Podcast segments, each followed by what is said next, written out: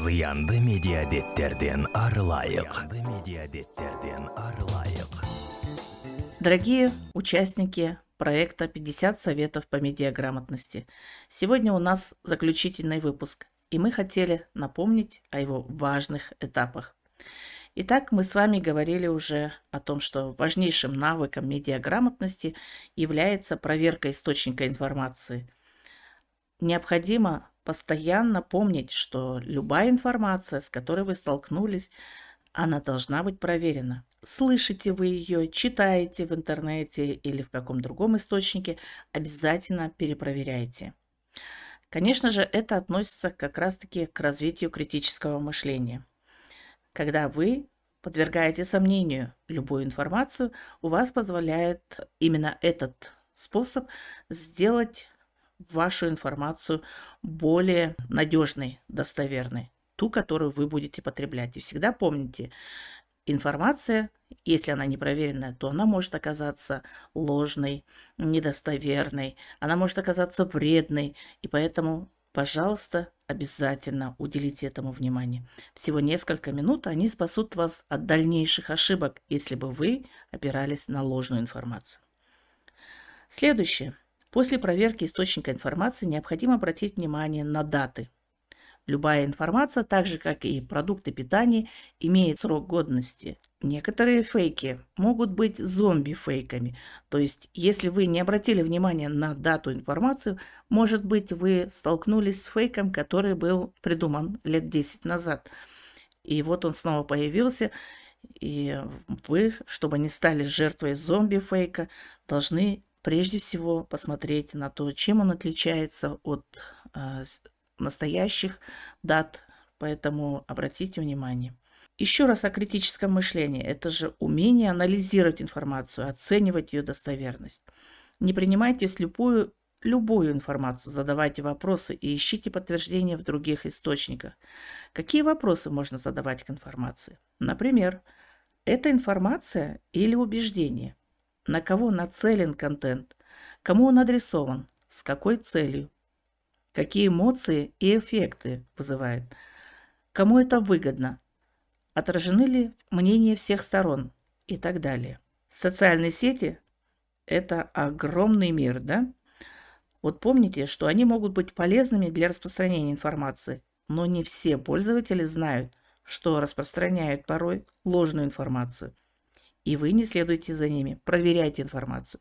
Тем более, что в Казахстане вступил в силу с сентября месяца 2023 года закон об онлайн-платформах и онлайн-рекламе, который обязывает и э, говорит о том, что будете нести ответственность за распространение ложной и недостоверной информации. Если вам тяжело самому разобраться с потоком фейков, проверка информации, не знаете, как разделить факты и мнения, пройдите обучение – медиаграмотности на курсах или онлайн на сайте techmediasawat.kz. Эти знания и навыки вам помогут быть на плаву в информационном океане. Если информация, с которой вы столкнулись, вызывает сильные эмоции, остановитесь. Не принимайте решения в таком состоянии.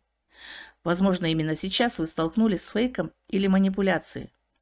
Проанализируйте информацию. А почему мы верим фейкам. Вот именно потому, что они написаны простым языком и вызывают у нас чувство эмоции вот прямо на э, реакцию на этот текст или на это сообщение, на это видео или на эту фотографию и зовут к какому-то действию.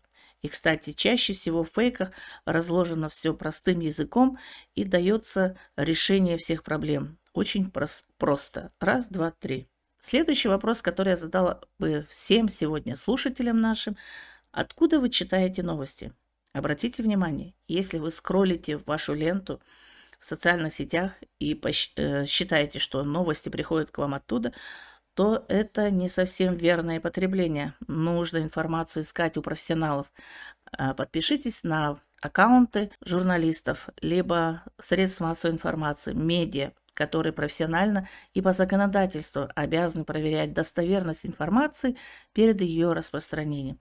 Таким образом, вы оградите себя на какое-то время от э, ложной информации, хотя иногда, если вы чувствуете, что информация даже с медиа подана а, крайне заинтересованной э, как бы стороной, то тогда обязательно перепроверьте ее из других источников. Возможно, эта медиа подверглась манипуляции, может быть, со стороны какого-то лица, которое вынудило их пойти на такую публикацию. Или же вы не заметили значок и маркировку рекламы. Кстати, о рекламе. Вот в этом новом законе в онлайн-платформах и онлайн-рекламе обязывают обязательно маркировать всех, кто распространяет рекламные материалы в социальных сетях. И это также ограждает читателей от манипуляций маркетинговых. Киберпространство сегодня становится очень глубоким, а в нем, конечно же, бывают и подводные камни. Вы, наверное, уже сталкивались с разными видами фишинга.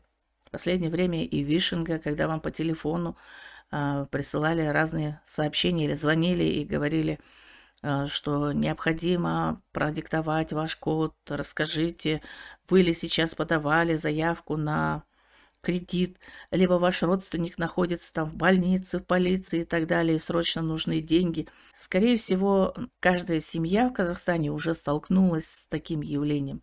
Это вот способы распространения через вишинговые возможности и для этого мошенники используют в э, телефонной сети номера телефона, а также для э, то есть сказать, того, чтобы они достигли своей цели, они вынуждают вас продиктовать им свои персональные данные, коды, пароли, через которые они смогут воспользоваться вашими средствами на ваших счетах.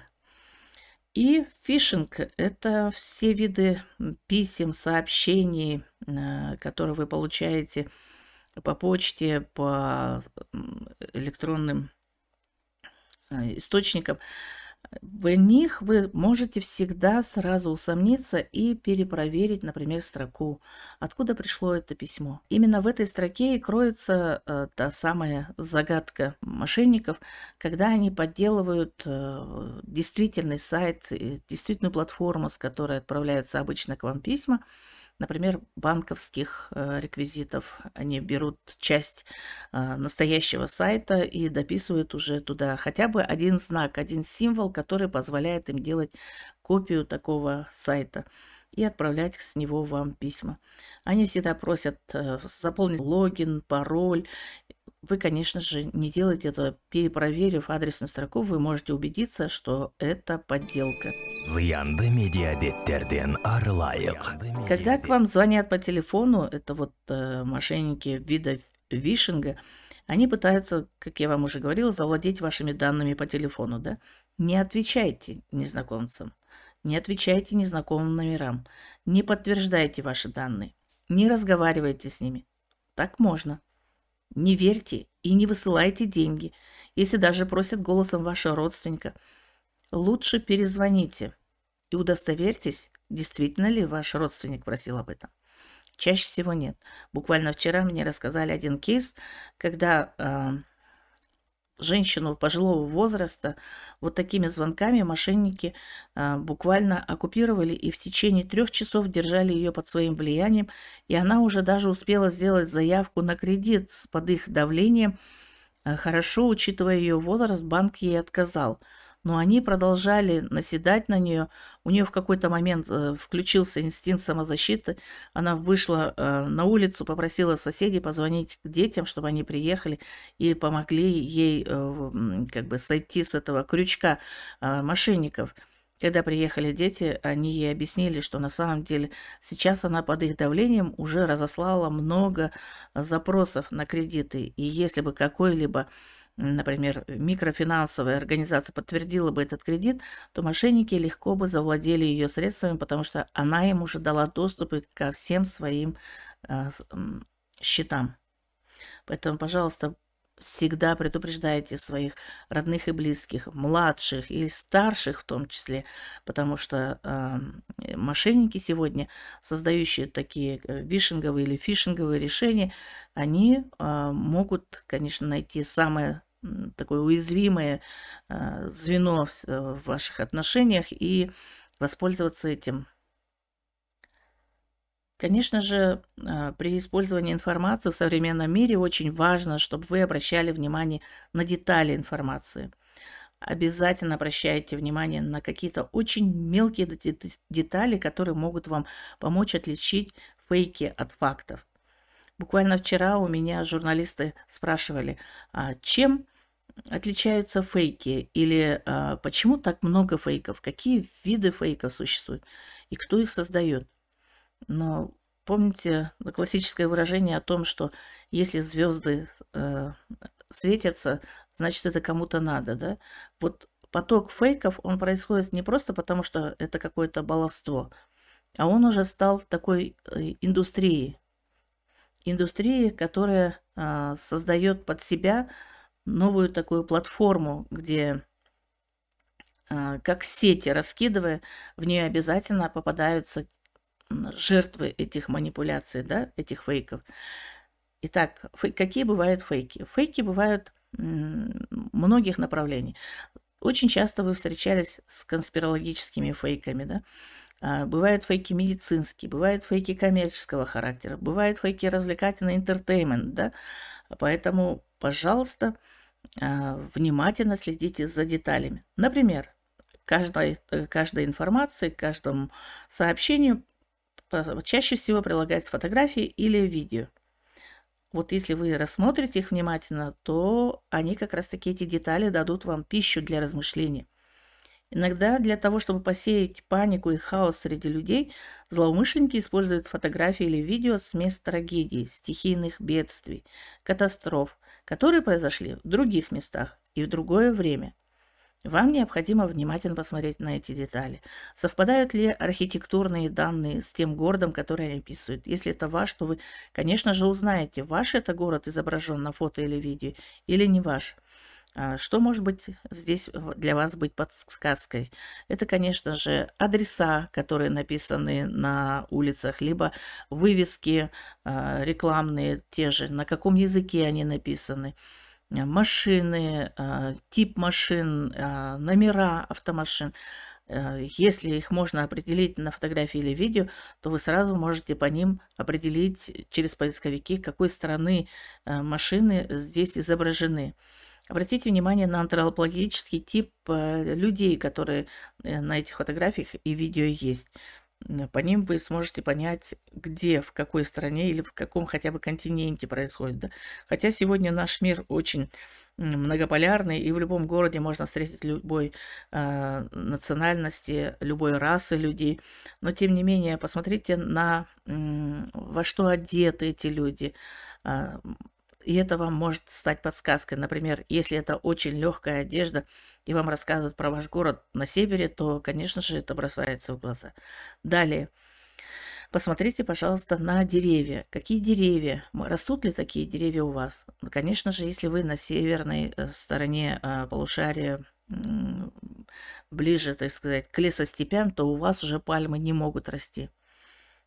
Разве что в ваших ботанических садах, да? Какие подсказки еще могут быть в фотографиях? Подумайте, пожалуйста, об этом. Обязательно, как я вам еще раз сказала, повторю, это рекламные вывески, номера машин, стиль архитектуры, а, люди на снимках, одежда, деревья, растения, географические объекты, например, горы, реки, скалы и так далее. Другим способом проверить информацию является проверка ее э, иллюстрации через, например, Google картинки или Яндекс картинки. Найдите разыскиваемый снимок в самом большом разрешении и с самой ранней датой публикации.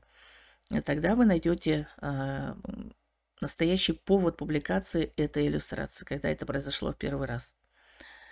Фотографии сегодня обрабатывают самыми разными способами. Иногда алгоритмы социальных сетей позволяют изменять лицо, цвет, но искать истинное состояние фотографии позволяет такой сервис, как фотофоренсис. Обязательно изучите его. Э, в нем а, есть туториал. Э, посмотрите, пожалуйста, в самом э, левом нижнем углу есть ссылка на это обучение, и они показывают на фотографиях, на серии фотографий, которые были сделаны якобы информационным агентством в целях информирования об одном из военных событий, но именно факт-чекеры через эту фотографию доказали, что эти фотографии были подставными. На них люди играли жертв этой войны, поэтому и такое встречается, к сожалению, и необходимо проверять и быть очень внимательными к снимкам, особенно если это касается конфликтов. Зыянды медиабеттерден арылайық. Видео. Видео тоже можно а, либо остановить и сделать стоп-кадр и далее проверить, как а, по картинке, по фотографии мы говорили. Но есть возможность и искать первоисточник видео на платформе, например, InVid. Вот таким образом вы можете оценить надежность видеофайла. Был ли, э, было ли это видео связано с этим событием, к которому оно привязано по тексту. На самом деле критическое восприятие действительности – это не просьба, а это то, что уже вот необходимо современному человеку. Начните с вопросов, как я уже говорила. Откуда к вам попала эта информация? Кому это выгодно? Кто ее написал? Является ли автор специалистом или экспертом? А спикеры действительно они настоящие профи, да?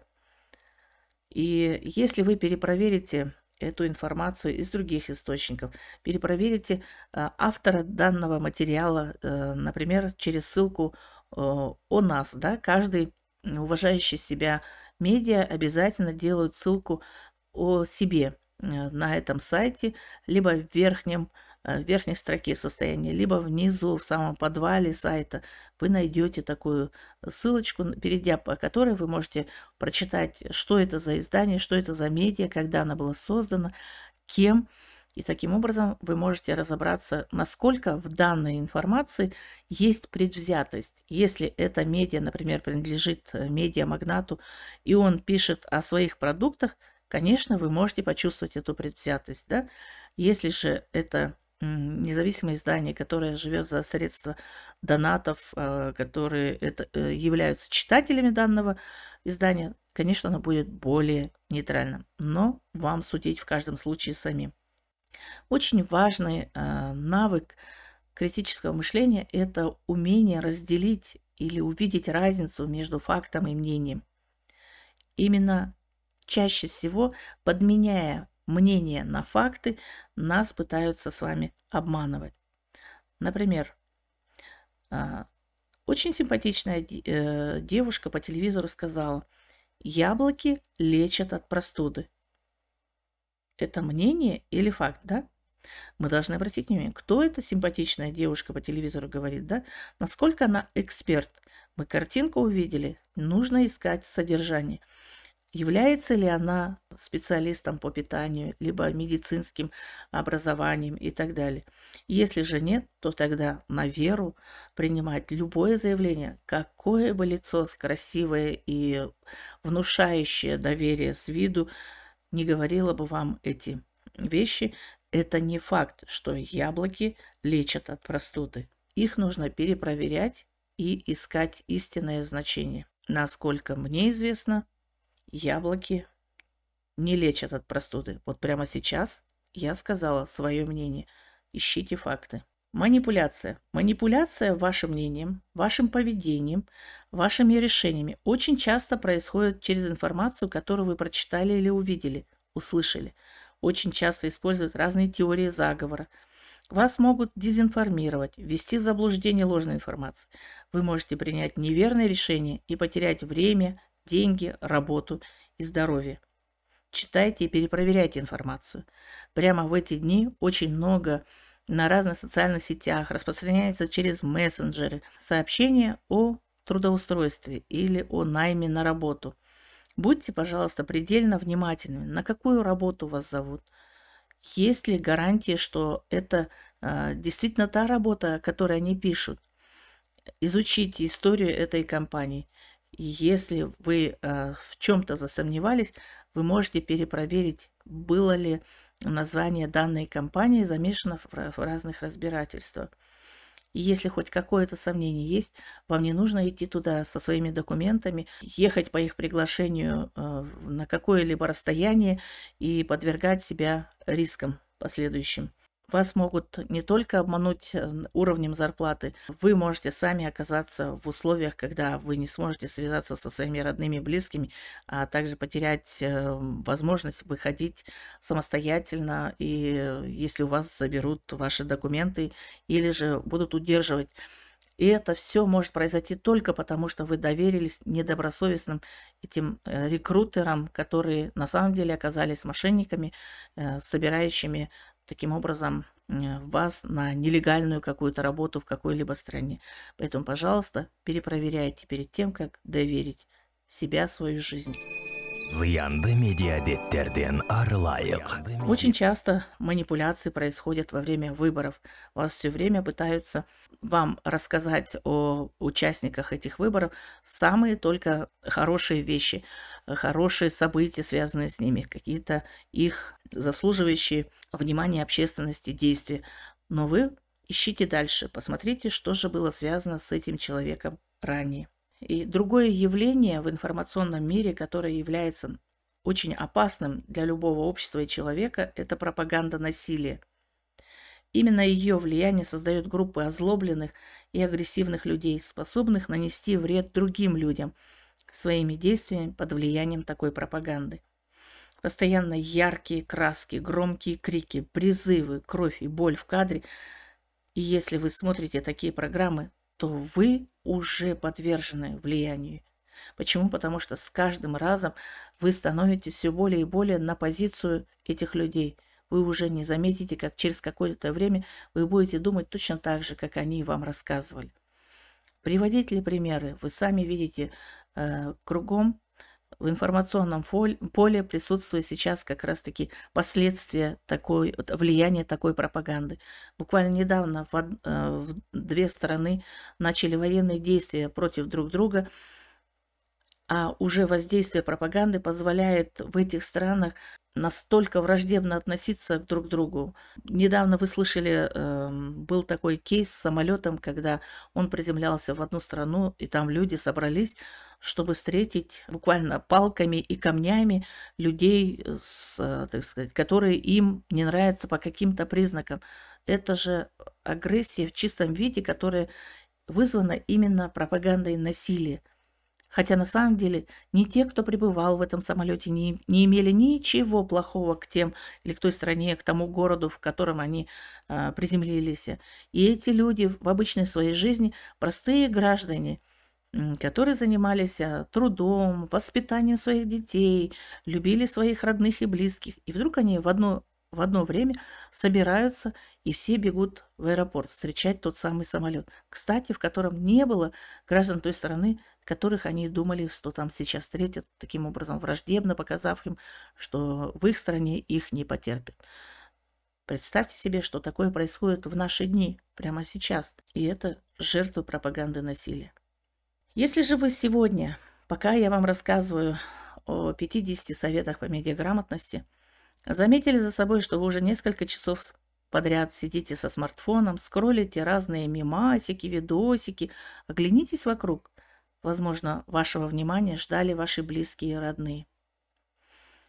У них тоже одна жизнь. Живите реальной жизнью.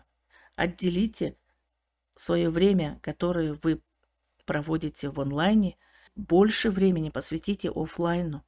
Посмотрите, какая прекрасная природа вокруг вас. Оглянитесь, сохраняйте чувства родных и близких.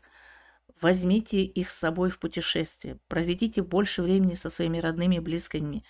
И таким образом вы позволите также и вашей жизни быть разнообразнее и интереснее, и главное, и полезнее. Потому что когда вы проводите по 8 часов а, в онлайне, вы живете уже интересами тех, кто дает вам а, сообщение. Если это, например, какие-то развлекательные вещи, и вы на них висите 8 часов, представьте, когда вы выйдете оттуда, вы обнаружите, сколько дел вы запустили за это время, которые вы должны были сделать. Это и дедлайны по учебе, или необходимость выполнить какие-то действия по работе.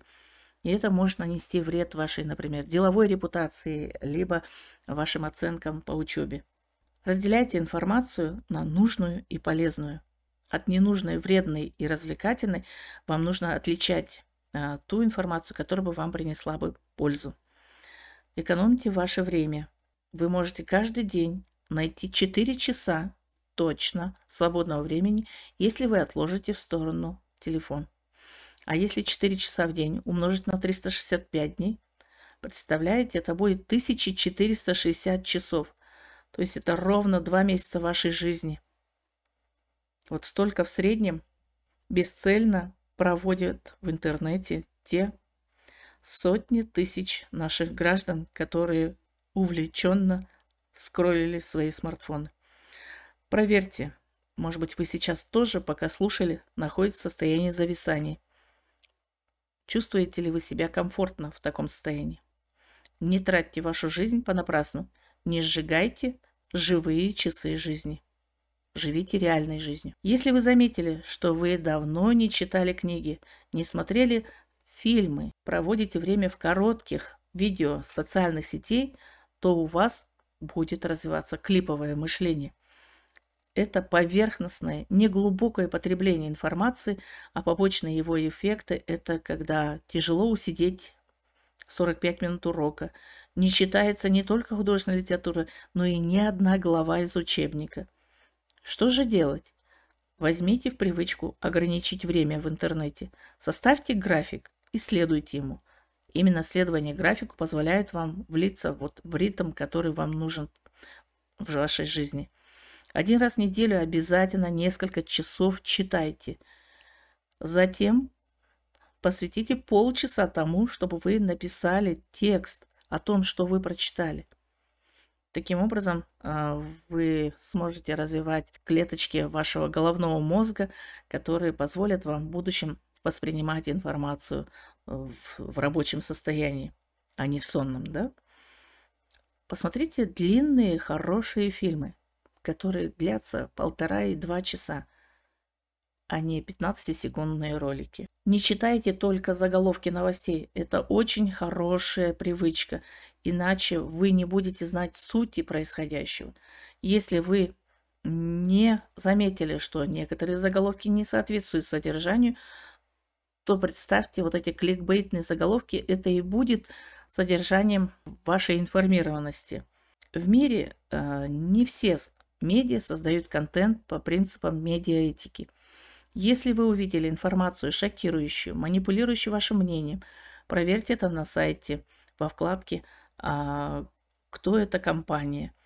Обратите внимание, кто владелец этой компании. А, можете также проверить сайт этот на сервисе Whois. Вы увидите имя владельца сайта и даже место создания – и дальше вам помогут поисковики проверить, кто этот человек или кто этот владелец бизнеса. А сайт может рекламировать их продукцию или продвигать его имя. Знайте, что журналисты и те, кто создает медиаконтент, должны быть ответственными перед своей аудиторией и всегда должны маркировать платный контент, чтобы не вводить вас в заблуждение. Вы уже знаете – что профессиональные медиа должны помнить о правах граждан на достоверную информацию и обязаны верифицировать данные. Поэтому они публикуют не так быстро, как пользователи социальных сетей, которые стараются быть первыми. Зато у профессиональных медиа проверенная информация. Выбирайте себе медиа, которым вы доверяете. Журналисты не должны называть преступником того, о ком не принято решение суда о признании его виновным в преступлении – это презумпция невиновности. Обратите внимание, если вы читаете такую новость, где человека, которого задержали, уже называют преступником, то в данном материале журналисты допустили ошибку. Журналисты и те, кто знает медиаэтику, медиаправо, медиаграмотность, всегда помнят о праве на собственное изображение. Право на собственное изображение – это статья 145 Гражданского кодекса, кодекса Республики Казахстан, в которой говорится, никто не имеет права использовать изображение какого-либо лица без его согласия, а в случае его смерти без согласия наследников. Согласие не требуется, если данное лицо присутствует или участвует в зрелищных, культурно-массовых, социально значимых в области культуры, спортивно-массовых мероприятиях, собраниях, митингах, шествиях или демонстрациях, или публичных мероприятиях. Э, лицо, изображенное на снимке за плату, тоже э, может быть использовано в, в медиа. Если распространяемая информация содержит изображение лица и сведения, связанные со служебной или публичной деятельностью данного лица, а также опубликовано самим лицом, его законным представителем или уполномоченным лицом в источниках, доступных э, и неограниченных, то им могут воспользоваться медиа. Если использование изображаемого лица осуществляется в целях защиты конституционного строя, охраны общественного порядка, прав и свобод, здоровья и нравственности, Данное лицо также может быть опубликовано в, соци... Э, в средствах массовой информации. Особое внимание журналисты должны уделять правам детей, особенно если они стали жертвами преступлений. И всегда должны стараться быть на защите интересов детей в любом, в любом деле, в любом событии. Журналисты работают ради общественного интереса, а не ради общественного любопытства – Главный принцип деятельности журналистов – не навреди. В журналистике нет места плагиату, и в социальных сетях нужно придерживаться такого же принципа. Если вам очень захотелось, чтобы какой-то текст был вашим, подумайте, насколько это будет нелепо выглядеть, когда люди увидят, что вы а, скопировали чей-то пост. Мало того, ваша репутация будет подвергнута сомнению, и ваше честное имя. Почему? Потому что а, плагиат – это одна из форм воровства. Не становитесь распространителем ложной информации. Всегда думайте, что важнее – ваша реакция в поддержку публикации или правдивость информации. Помните, что распространение заведомо ложной информации, создающей опасность нарушения общественного порядка или причинение э, существенного вреда правам и законным интересам граждан или организаций – либо охраняемым законом интересам общества или государства с использованием СМИ или сетей телекоммуникаций, наказывается штрафом в размере до 5000 э, месячных расчетных показателей, либо исправительными работами в том же размере, либо ограничением свободы на срок от 2 до 5 лет, либо лишением свободы на тот же срок. Статья 274 Уголовного кодекса. Не распространяйте информацию, которая разжигает национальную, межнациональную, э, межрелигиозную, межконфессиональную рознь э, между разными сословиями и так далее. Статья 174 Уголовного кодекса э, Республики Казахстан – это разжигание социальной, национальной, родовой, расовой, сословной или религиозной розни. Она наказывается лишением свободы от 2 до 20 лет. Не используйте язык вражды. Он может привести именно к данной статье. Ваш материал не должен призывать дискриминации или насилию по признаку расы, происхождения, национальной или этической принадлежности, возраста, инвалидности, языка, религии или убеждений, гендера и других личных характеристик или статуса. Не следуйте стереотипам и предубеждениям. Нужно быть очень внимательным при публикации материалов, чтобы за вами не было такого следа, когда вы точно а, повторили чьи-то предубеждения, либо последовали стереотипам. Современному человеку, а, живущему в информационном мире, обязательно нужно знать, что существует такой вид фейков, который называется deepfake.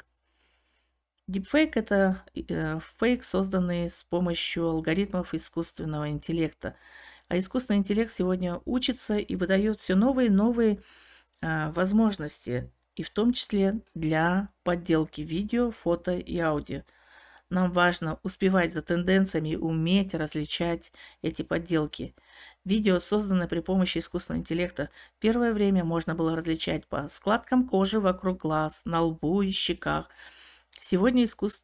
искусно подделывается даже тон голоса, Остается способ перепроверки из других источников. Если вам прислали видео с вашими родственниками, требующими от вас срочной материальной поддержки, просто созвонитесь с ними. Злоумышленники в интернете могут завладеть вашими данными разным способом, но обиднее всего, когда вы сами размещаете в открытом доступе эти данные. Однажды пожилая женщина опубликовала на Фейсбуке фотографии своей банковской карточки с обеих сторон. Она не знала, что она так может лишиться всех средств на этой карте. Конечно, в том случае родственники это заметили, быстро попросили удалить этот пост. Э, что могут сделать люди, которые не знают об этих правилах э, безопасности в интернете? Помните, что любая фотография, любая информация, которую вы опубликовали в интернете, она всегда будет иметь след, по которому ее можно найти. Если вы баловались в детстве и опубликовали какие-то снимки, они могут быть вашими оппонентами, использованы против вас спустя многие годы. Обязательно помните, что никому нельзя сообщать, тем более публиковать фотографии, где виден адрес э, вашего места жительства, места работы, а тем более нельзя публиковать ребенка вашего у садика, у школы. Также помните, что ваша э, радостная весть о том, что вы уезжаете в отпуск, очень обрадует э, квартирных воров. Не публикуйте копии ваших документов, номеров счетов и тому подобное. А те, кто имеет ваши данные, обязаны их охранять. Это статья 9 Закона о персональных данных и их защите. Помните, что все, что вы опубликуете в интернете, навсегда. Сегодня перед началом а, очередного учебного семестра э, хочется напомнить, что всегда нужно помнить о том, что у детей бывает момент столкновения с буллингом. Когда дети по разным признакам могут особенного э, или особенности какого-то ребенка задевать, и когда они это делают коллективно, например, 2-3 человека совместно э, действуют против одного в классе, вы можете это заметить как взрослый человек и обратить на это внимание. Но если это происходит в сети, то кибербуллинг очень тяжело заметить. Ребенок может об этом не говорить, и вы не видите сообщения, которые он получает. Вы не видите комментарии под его постами, которые он видит, читает. И поэтому взрослым нужно особенно быть внимательными с детьми и подростками, потому что они порой переживают очень сильные такие эмоциональные моменты, связанные с кибербуллингом. А, если вы с таким явлением столкнулись, что вам необходимо сделать? Прежде всего, конечно, остановить э, кибербуллинг с помощью жалобы администратора сети, отключением комментариев, удалением аккаунта. Главное не реагировать на попытки задеть вас или вот э, вашего ребенка. Хотя понимаем, что так сказать легко, чем, конечно же, сделать да, в такой ситуации. Но поверьте, уменьшение в вашей жизни социальных сетей даст вам шанс быть более счастливыми в реальной жизни. Поэтому иногда выключить аккаунт это не настолько сильно вредно, как вам кажется на первый взгляд эмоционально. Далее вам необходимо протянуть вот руку человеку, который подвергся буллингу. В наши дни мы встречаемся с тем, что буллингу подвергаются не только дети и подростки, иногда и взрослые люди. Поэтому, пожалуйста, обратите э, внимание, а, протяните руку помощи. Не нужно эту поддержку показывать прилюдно, не нужно об этом писать посты. Не старайтесь примерять стороны, думая, что это обычная ссора. С каждой стороной нужно разговаривать отдельно и лучше всего психологу. Ведь вы же не знаете, по каким причинам люди становятся агрессорами или жертвами. Здесь нужно разбираться и быть более чуткими. Киберпространство сегодня является отраслью, и она кормит миллионы пользователей. Кто-то пытается оказывать услуги фотографии, кто-то читает лекции, кто-то создает мошеннические схемы, финансовые пирамиды и так далее. Будьте осторожны, проверяйте компании, предлагающие быстрые заработки. Кто бы их ни рекламировал. Не ведитесь на легкие заработки, предлагаемые в интернете. Это может быть предложение помощи, выгодное приобретение товаров, розыгрыш ценных призов. Проверяйте все и никому не пересылайте свои коды, пароли, счета и другие данные. Есть еще один момент. Если вам предложил дружбу незнакомый человек – Проверьте его аккаунт, фотографию через поисковик. На странице в его ленте полистайте, есть ли другие посты, либо другие репосты чужих материалов. И если у него всего лишь 2-3 друга и только репосты, то начинайте сомневаться таком друге. Скорее всего, этот аккаунт создан нарочно для того, чтобы а, выходить с предложениями разных схем, в том числе и мошеннических. Такие друзья в кавычках к хорошему не ведут. Напомним, что схемы мошенников сегодня могут быть самыми разными и могут появляться совершенно новые формы. Манипуляторы, желающие получить ваши голоса, бонусы, деньги, тоже каждый день придумывают новые схемы. Нужно помнить о медиаграмотности, о критическом мышлении. Подвергайте все сомнению. Есть такой инструмент, как фактчекинг. И дело это не только фактчекеров. Вы сами можете проверять сообщения на достоверность. Обращайтесь прежде всего к официальным органам. Проверяйте информацию государственных источников на их сайтах и в их сообщениях. Затем у профессиональных СМИ. Проверяйте имена, даты.